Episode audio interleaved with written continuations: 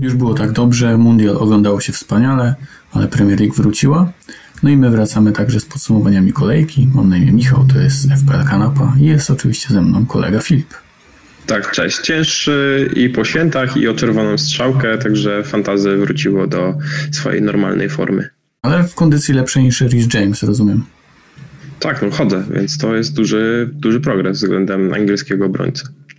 Postanowieniem tego programu jest zmieścić się w 10 minut, także bardzo szybko e, przechodzimy do pierwszego slajdu, który może być nawet najważniejszym. Niestety w strzałach nie ma Caluma Wilsona, ale warto zauważyć, że e, Martin Odegaard się pojawił. Go tutaj rzadko miewamy w takiej statystyce.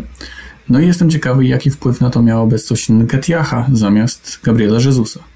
Tak, no Odegaard zagrał prawdopodobnie swój najlepszy mecz w Arsenalu, bo szczególnie w drugiej połowie to był nie tylko kapitanem, ale też liderem pełną gębą, więc szapoba dla Norwega, bo mamy obecnie dwóch fantastycznych norweskich piłkarzy w Premier League. Czego jeszcze powiemy? Naprawdę, myślę, że nie było to przypadkowe. No, Jezus wie, wiemy, że uwielbiał schodzić do linii bocznych, a Nketiah raczej trzymał się pola karnego i myślę, że może to być wszystko powiązane, ale są ludzie mądrzejsi w tym temacie. No i co, musimy powiedzieć, że tak, warto zauważyć, że Mitrowicz no, grał jednak przeciwko dziewięciu piłkarzom. Także te statystyki są trochę e, jednak, no może nie oszukane, ale mogą trochę mylić. No i też w czołówce Oli Watkins i Mitoma. To też takie nazwiska, których no, może niekoniecznie się tutaj spodziewaliśmy. Tak, no szczególnie Mitoma, y, który dla wielu drużyn był różnicą i był widziany w kilku draftach, pokazał się jako gość w formie. Niekoniecznie wykorzystywany w reprezentacji Japonii zgodnie ze swoim potencjałem, ale y, wrócił do Dezerbiego i od razu pierwszy skład i pierwsze skrzypce. I on i Soli March byli znacznie lepsi w tym meczu niż Trossard, który no, wciąż jest najbardziej hypowanym piłkarzem MEF. Tak, no grał na dziewiątce, to może mu niekoniecznie sprzyjać. Też ostatnie słowo odnośnie tego slajdu. Hurricane, cztery strzały, ale żadnej tej big chance, żadnej tej super okazji. Także to też ważne w kontekście gry Tottenhamu. Expected goals, no i tutaj lider mógł być tylko jeden, ale chyba zalecamy spokój, jeśli chodzi o Darwina Nuneza. Tak, no pamiętajmy, ten mecz miał plusy i minusy. Plusem jest to, że Urugwajczyk doszedł do czterech big chances. Nie wiem, czy ktokolwiek miał tyle w jednym meczu w tym sezonie. Może Haaland z United, chociaż chyba też nie.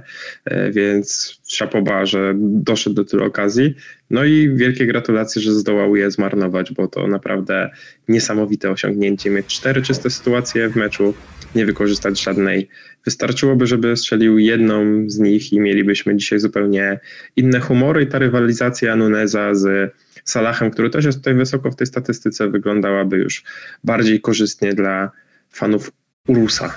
Tak, no ale pamiętajmy, że Salah i Tonej no, wbijali jednak piłkę do pustej bramki. Tutaj tej, na tej statystyce nie ma jeszcze e, Halanda, bo to jest robione przed meczem Manchesteru City, e, ten, ten slajd.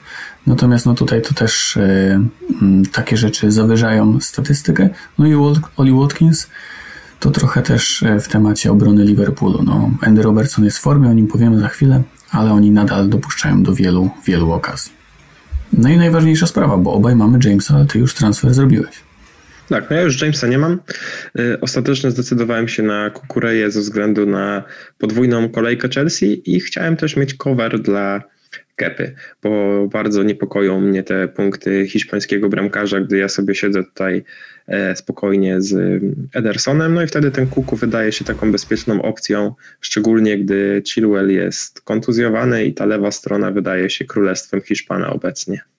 Tak, możemy też tutaj powiedzieć w teorii dwóch lewych obrońcach, ale Luke Shaw zagrał przecież na środku defensywy. Botman, bardzo tanie wejście w defensywę Newcastle, najlepszą defensywę ligi. Luke Shaw, no to myślę, że niedługo wróci. No I Andy Robo, który został najlepszym asystentem w historii ligi. Tak, no i stworzył dwie big chances w jednym meczu, co także robi wrażenie. Jedną z nich Salah wykorzystał, drugiej nasz urugwajski kolega ochoty zbytnio nie miał wykorzystać, więc skończyło się na tylko jednej asyście. No i gratulujemy rekordu, bo Robo pokazuje się jako no, jeden z najlepszych obrońców w historii, jeśli chodzi o lewą flankę. Tak, ale nadal tutaj bym spodziewał się bardziej ofensywy niż punktów za czysta konta. No jest jeszcze dwóch y, pozostałych, czyli Louis Dunk, bo Brighton może mieć podwójną kolejkę niedługo. No i Lucas Dean, którego trochę dorzuciłem tutaj z uwagi na Twoje rekomendacje. Czy to rekomendacje to mocne słowa, ale patrząc czysto na liczby, to Dean miał aż cztery kluczowe podania w meczu z Liverpoolem. Gdy spojrzymy, jak broni Tottenham, to niewykluczone, że będzie ich jeszcze więcej w najbliższym spotkaniu Aston Villa. Także warto e, Francuza śledzić, choć ja nie brałbym go do składu, jeśli o to chodzi. Tutaj jeszcze polecanie do, do Aston Villa jeszcze wrócimy. No i tutaj no, trudno mm, wymyślić coś wielce nowego względem poprzedniego odcinka. Rashford tutaj ma ogromne posiadanie, ale są ludzie, którzy go nadal nie mają, a wydaje się chyba obecnie najlepszym, e, no jednym z najlepszych graczy do FPL-a. Kepa jako tanie wejście w obronę Chelsea, która ma dobry terminarz nadal.